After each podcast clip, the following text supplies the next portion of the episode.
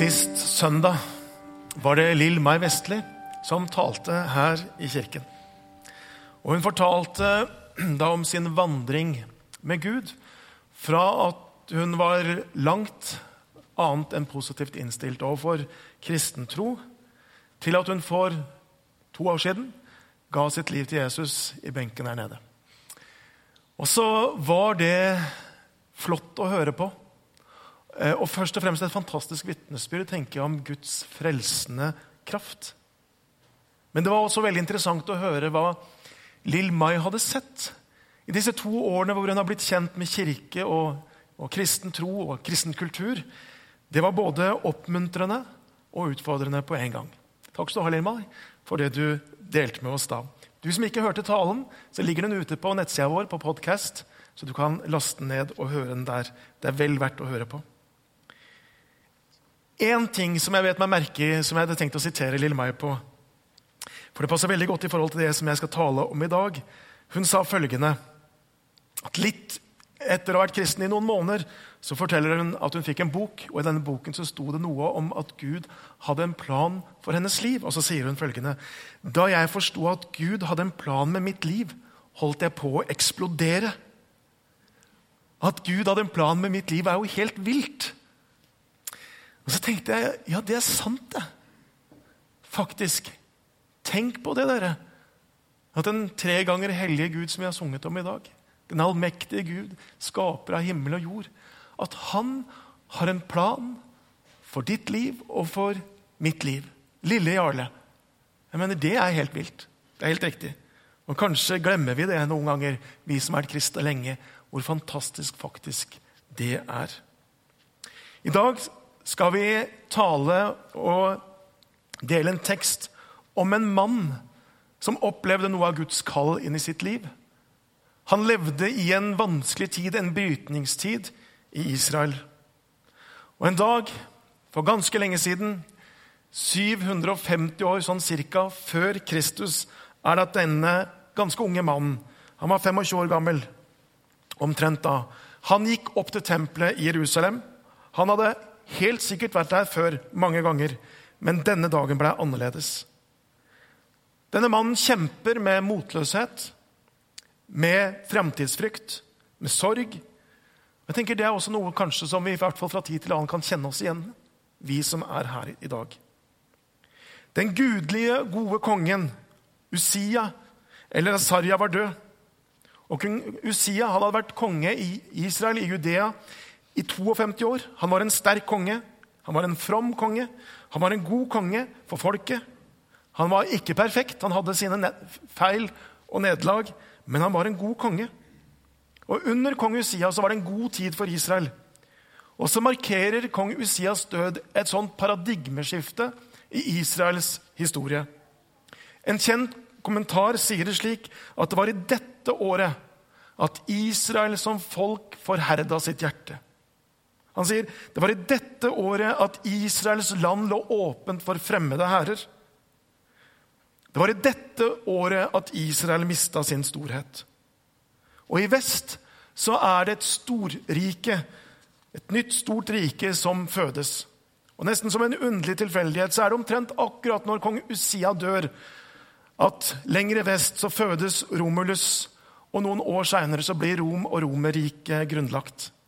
Det er et politisk paradigmeskifte i hele dette området dette året som fikk enorme konsekvenser for politikk, for levestandard, for samfunnet i Israel, men også det religiøse livet. Og Det er dette året som denne unge mannen, Jesaja, går til tempelet. Han er redd over den utviklinga han ser i samfunnet. Han har fortvila over det forfall og det frafallet han ser. Og Hvis du leser kapittel 5, så kan du lese der hvordan han refser folket virkelig som en profet og roper over dem alle deres mangler og feil. Jesaja kommer til tempelet for å be. Vi kan ane noe av motløsheten og kraftesløsheten som han kjemper med. Hvor lenge han har vært i tempelet, står det ikke noe om. Men plutselig så står det at det er som vegger og tak i tempelet forsvinner, og så er han der i himmelen, i Guds tronsal. Han ser Gud. Han ser Gud sitte på en høy, på en voldsom trone. Han ser engler, han ser vingebekledde vesener. Han kjenner den hellige atmosfæren. Kanten av hans kappe fylte hele tempelet, står det. Det er en sånn fortettahet av Guds nærvær at det er nesten vanskelig å puste. Der befinner Jesaja seg, og så hører han tilbedelsen. Hellig, hellig, hellig er Herren Sebåt. All jorden er full av hans herlighet. En opplevelse som er så sterk, og som rører Jesaja på alle på måte, punkter i livet hans. Og som fyller og møter alle hans følelser. Syn, hørsel, følelser. Han kjenner, han ser, han hører. Og Så skal vi gå til teksten så skal vi lese hvordan Jesaja selv beskriver dette noen år seinere, når han skriver ned den erfaringen han hadde. Og så tenker jeg at eh, Det er ikke sikkert vi får gull på femmila i dag, men du kan ta med deg gull hjem fra denne gudstjenesten her, hvis du lytter til denne teksten som vi skal dele sammen. Her er det gull. Jesaja eh, kapittel 6, og fra vers 1 til og med vers 8. I det året da kong Usia døde, så er Herren sitte på en høy og opphøyd trone, og kanten på kappen hans fylte tempelet. Serafer sto overfor ham, hver av dem hadde seks vinger. Med to dekket i ansiktet, med to føttene og med to fløy de. De ropte til hverandre. Hellig, hellig, hellig er Herren Sebaot. Hele jorden er full av Hans herlighet. Røsten som ropte, fikk boltene i dørterskelen til å riste, og huset ble fylt av røyk. Da sa jeg, ved meg, det er ute med meg, for jeg er en mann med urene lepper. Jeg bor i et folk med urende lepper, og mine øyne har sett kongen, Herren over herskarene. Da fløy en seraf bort til meg. I hånda hadde han en glo som han hadde tatt med en tang fra alteret. Med den rørte han ved munnen min og sa, Se, denne har rørt ved leppene dine. Din skyld er tatt bort, din synd er sonet. Da hørte jeg Herrens røst. Han sa, Hvem skal jeg sende, og hvem vil gå for oss? Jeg sa, Jeg. Send meg. Skal vi be. Herre Jesus Kristus, jeg har lyst til å takke deg for Guds ord som vi får lov til å ha iblant oss, og som vi får lov til å lese og dele. Takk for din ånd som åpenbarer ordet for oss. Og nå ber vi, Herre, at vi som sitter, at vi vil være god jordsmonn. At du må åpenbare ditt eget ord for oss i dag. Må du møte oss. Amen. I dette møtet mellom Gud og Jesaja så er det mange ting som foregår. Og det er i hvert fall tre ting som skjer. Det ene det er at Jesaja, etter dette møtet, så ser han veldig mange ting i et nytt lys. Det andre er det at Gud møter Jesaja der han er i sitt dypeste behov og i sin nød. Og for det tredje så er det at Gud kaller Jesaja til å gå. Vi sang en flott sang i stad. 'Hellig, hellig, hellig'. Og Det er denne hellige Gud som Jesaja møter. Det er det himmelske budskapet som lyder. Det er at hellig, hellig, hellig er Herren Sebåt. Gud er den absolutte annerledes. Han er hellig, han er opphøyd, han er den totalt rene. Bibelen snakker og bruker et uttrykk om gudsfrykt når man snakker om å leve i relasjon som menneske til denne hellige Gud. Og ikke frykt som i angst eller redsel, men frykt som i ærefrykt, som i respekt. Om å la Gud være Gud i våre liv. Guds frykt. Og Så tenker jeg på den tradisjonen som vi står i. Eh, så er det jo ofte sånn at vi setter fokus på å snakke om Gud som den kjærlige far. Om Guds farshjerte. Om å kunne sitte på Guds fang. Og det er jo bibelsk, og det er rett og det er riktig. Men det er også en annen dimensjon av Guds hellighet. Og jeg tenker De to bildene de trenger faktisk hverandre for å danne en helhetlig bilde av hvem Gud er. Han er vår far. Han er den vi kan ha et intimt forhold til og sitte på fanget til. Men han er også, og det er det som gir kraften, den hellige, den annerledes, den rene. For det er noe med dette med Guds hellighet som jeg tenker vi trenger som et ankerpunkt i troa vår, i livet vårt. Vi trenger det som en pilar i tjenesten vår. Vi trenger det på en måte for å leve der i denne balansen i forhold til Guds bilde. Jesaja' umiddelbare reaksjon var det. Jo, Han ser seg selv stående innenfor denne hellige Gud, og så er hans reaksjon følgende Det er ute med meg. For jeg har sett Herren. På en måte, Det er ute med meg. Jeg er en syndig mann. Jeg kan ikke se Gud og leve. Det er ute med meg, sier Jesaja. Før dette møtet med Gud så ser vi at Jesaja han tenker annerledes. Før dette møtet så ser han ikke sin egen synd, men han ser først og fremst de andres synd. Hvis du hadde lest kapittel 5 i Jesaja, kapittel før, hva er det vi ser der? Jo, da hører vi alle vedropene som Jesaja har. Han roper ved til høyre og til venstre. Han roper ved over alle han kan se. Han sier, ved dem som legger hus til hus og åker til åker. Ved dem som jager etter sterk drikke. Ved dem som drar skylden etter seg som tau ved dem som kaller ondt godt og godt ondt. Ved dem som er klok i egne øyne. Ved dem som er helter til å drikke vin. Ikke sant? Du hører perspektivet hans. Når han ser på folket, så roper han 'ved' over de alle sammen. Så tenker jeg, Det er jo ikke noe som er lettere enn det. Å se feilen hos de andre, mener jeg. Det er ganske enkelt, det. Og så kanskje kan vi kjenne oss igjen. Og så roper kanskje ikke vi 'ved', vi er jo mer på en måte fintfølende enn som så. Men vi stiller kanskje noen spørsmål. Ja, Kan han det? Altså, hvordan er det med det? Hvordan er det når de lever? Se på det. og Hvordan er det de prioriterer? Og, og så kan det fort bli vedropene også vi lar lyde. Det finnes ikke noe enklere enn å se andres feil og andres feiltrinn. Men jeg tenker det er karakteristisk for mennesker som har hatt et møte med Gud. Det er at det er ikke først og fremst de andre de ser på men de får et blikk på seg sjøl. Og så ser de innover sitt eget liv, og så tenker de hvordan står det til her? Hva med mitt liv? Og så er kanskje ikke det så annerledes enn de, de jeg roper mine ved over. Ved dem het det i kapittel 5. I kapittel 6 så sier Jesaja ved meg. Det er ute med meg. Ved meg. Jeg er en mann med urene lepper, sier han. Det blir perspektivet. Menneskets store problem før korset, hva var det? Jo, det var synden. Det var det store problemet. Det var det som skilte mennesket fra Gud. Og så kunne man prøve å klare så godt man, gjøre så godt man kunne i forhold til å leve etter de ti bud. Så kunne man gå til tempelet og få noen ofringer, og så hjalp det en stund til man falt igjen. og Så måtte man tilbake, nye ofringer, og så var det noe som ikke funka. Så det var det store problemet. Etter langfredag, etter Golgata, så er det annerledes. Hvorfor? Hvorfor fordi at Jesus tok på seg all verdens synd på korset. Og så er det ikke lenger synd som er menneskets største problem. For det har egentlig Jesus tatt på seg. Og det er nåde nok for alle. Paulus sier at der synden var stor, der ble nåden enda større. Det er nåde nok.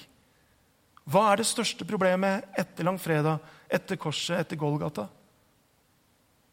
Og det er din og min stolthet. Det er det at vi ikke erkjenner våre feil og nederlag. At vi ikke vil bekjenne vår synd, men vi blir gående og bære på det når løsningen faktisk er der. Det er å komme til Jesus og leve i oppgjør med våre liv og mot og hans tilgivelse. Det kan vi gjøre. Hvis vi går til han med vår synd. Menneskets største problem etter Golgata er ikke lenger synden, men stolthet, manglende synserkjennelse, manglende synsbekjennelse.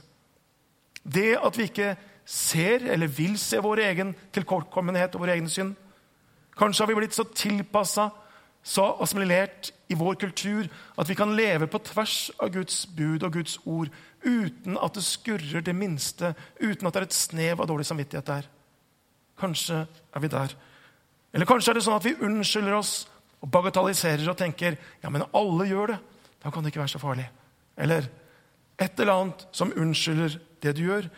Det er bare en fase jeg må gjennom. Ja, ja, Gud tilgir sikkert. Eller det at vi søker syndenes tillatelse istedenfor tilgivelse. At vi leiter etter noe som kan egentlig rettferdiggjøre det at vi lever sånn som vi lever, uten at vi vil gå inn i det noe særlig. Det er problemet. Ikke at vi synder, men at vi ikke går til korset med det.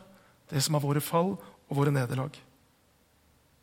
Møter vi Den hellige, så ser vi nettopp noe av vår egen tilkortkommenhet og noe av vår egen synd.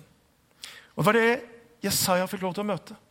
Han møtte Gud akkurat der hvor Jesaja var på en måte på bånn på alle måter. Og så møter Gud han ikke med fordømmelse, ikke med dommen, ikke heller med at det er jo ikke så farlig, men han møter han med soning. Det står en seraff flyr bort til alteret. Det alteret hvor soneofferet ble lagt. Det alteret som peker fram mot korset. Så henter denne seraffen en glo fra dette alteret. Kommer ned til Jesaja, berører hans lepper. Din synd er tatt bort. Din skyld er sona. Det er det Jesaja får høre. Det er fantastisk. Det er når man kommer til Gud med sitt liv, og så får man høre det. Din synd er tatt bort. Din skyld er sona.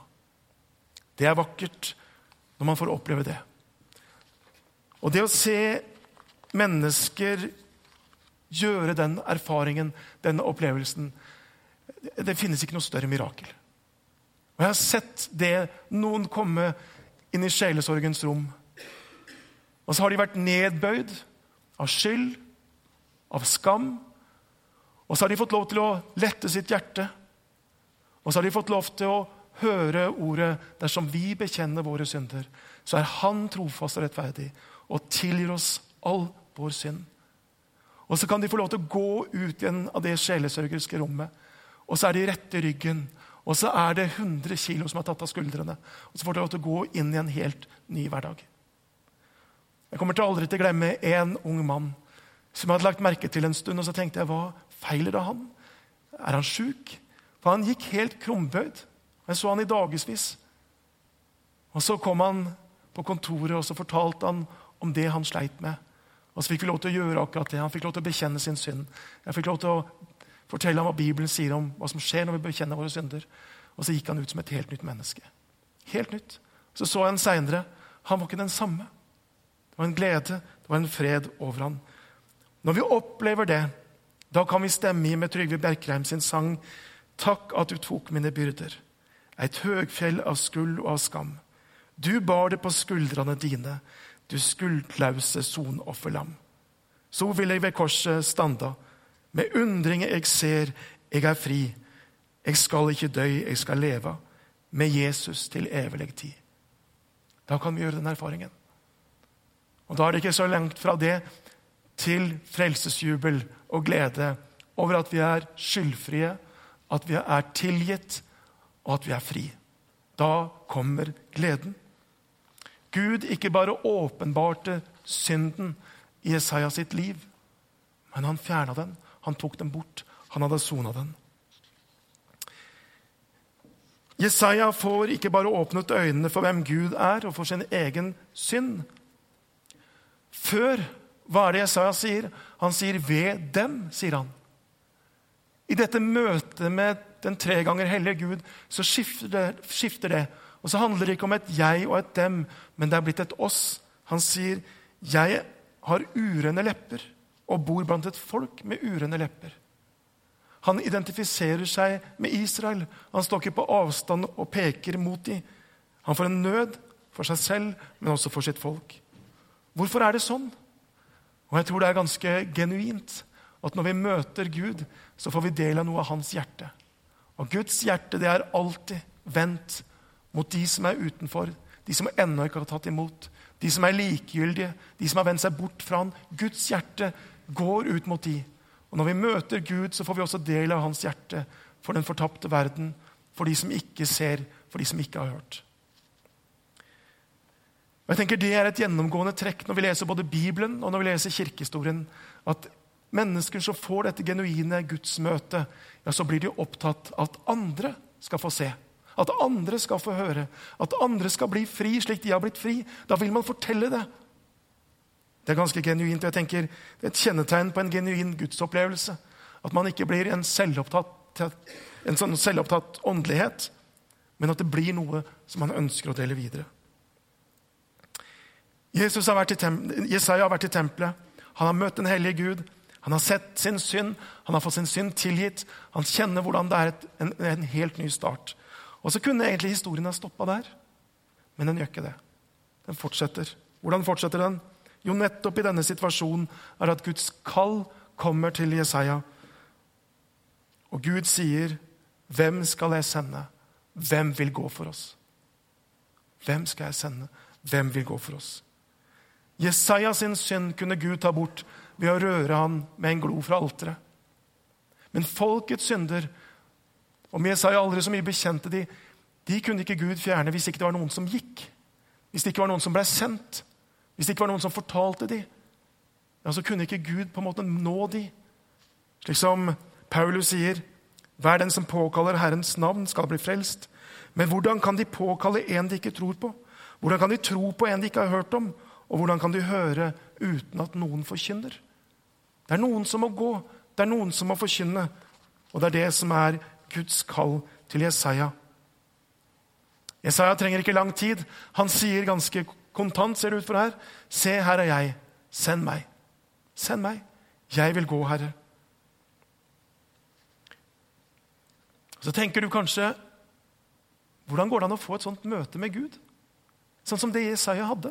Må jeg sette meg på et fly til Jerusalem? Må jeg reise på retreat? Må jeg be i ukevis? Eller hvordan kan jeg få et sånt møte? Og På ett sett så er det sånn at mens vi har sittet her i formiddag, og så har vi delt Guds ord, så har vi delt historien om dette møtet, ja, så har også du møtt Gud. For Guds ord er levende og virkekraftig. Og Jesus Kristus han er til stede midt iblant oss her. Vi trenger ikke å reise noe sted. Han er her. Vi kan møte Gud her, slik Jesaja møtte Gud den gangen. Kanskje ikke med alle aterister og seraffer og alt det der, men vi kan møte Gud. Vi kan møte Guds ord, sånn som Jesaja møtte det. Vi kan møte Guds hjerte, vi kan møte Guds kall. Jeg vet noe om hva mitt kall er. Jeg vet noe om hva Gud vil bruke meg til. Så vet kanskje du noe om hva det er i ditt liv. For det er så forskjellig. Gud kaller oss til ulike oppgaver, og vi er satt sammen forskjellig som mennesker. Men det faktisk å vite noe om det jeg tenker, Det er noe vi kan gjøre. Det er noe vi kan, kan be om at Gud skal åpenbare for oss. Men det viktigste svaret, det viktigste som Gud ser etter, det er faktisk denne villigheten. At vi sier, 'Her er jeg. Send meg.' Her er jeg. Send meg. Og så vet vi ikke alltid hvordan det ser ut. Du og jeg vi er faktisk Guds plan A. Og så har han ingen plan B. Så for at Gud skal nå de omkring oss, der vi er satt, ja, så er det viktig at vi svarer ja på Guds kall. Se, her er jeg. Send meg. Hvem er det du skal nå? Jeg hørte en nylig på lederkonferansen som sa han, de menneskene som på en måte dine føtter berører i din hverdag, de du, som du har rett rundt deg, det er i hvert fall de første som du kan gjøre noe med for å nå med det ord som Gud har til dem. At Jesus døde for dem, at Gud elsker dem, at det er tilgivelse å få. Helt avslutningsvis. Det er interessant å merke seg at denne kallsopplevelsen til Jesaja først kommer i kapittel 6. Har du tenkt på det? Han virka faktisk som profet før det også. Men her så har vi en kallsopplevelse. Hva forteller det? Jo, det var ikke nødvendigvis et første kall for Jesaja, men det var at han trengte kanskje å fornye sitt kall. Kanskje hadde kommet noen inn der pga. de omkringliggende ting, nøden som han kjente på, som gjorde at han var liksom kommet ut av sentrum av sitt kall. Og så er det at Gud møter han og bringer han tilbake. Og så får han få lov til å fornye sitt kall. Så tenker jeg på vi som er her. Mange av oss har sikkert hatt en kallsopplevelse på ulik måte. Vi har hørt noe om fra Gud hva han vil bruke våre liv til. Og så går det faktisk an at noen ganger så trenger vi å fornye det kallet. Vi trenger å møte Gud på nytt, sånn at vi kan få lov til å komme i sentrum av der han vil ha oss. For han har en plan med våre liv. Det er faktisk helt vilt. Det er det. Men han har en plan med våre liv, med ditt og med mitt. Kanskje trenger du å høre Eller kanskje trenger du å si til Gud Vær meg synder nådig. Kanskje trenger du å komme til Gud i dag, og så er det det du skal si. Og så er det noen ting som du blir minnet om, noen ting som du ser. Kanskje trenger du i dag å høre din synd er sona. Skylden er borte. Og kanskje trenger du å si, 'Se, her er jeg. Send meg.' Skal vi be. Himmelske Far, jeg takker deg for at du er nøyaktig den samme i dag som du var den gangen når du møtte Jesaja for 2750 år siden. Så er det nøyaktig den samme i dag. Og så vet vi at du, du vil møte oss på samme måte. Du vil ta bort all vår synd, og så vet vi at du vil bruke oss, Jesus. Og så bare be at vi er her i dag innenfor deg og innenfor ditt åsyn, at du skal tale inn i våre liv. Du kjenner oss. Du vet om alt. Jeg ber Jesus at du skal tale til oss. Amen.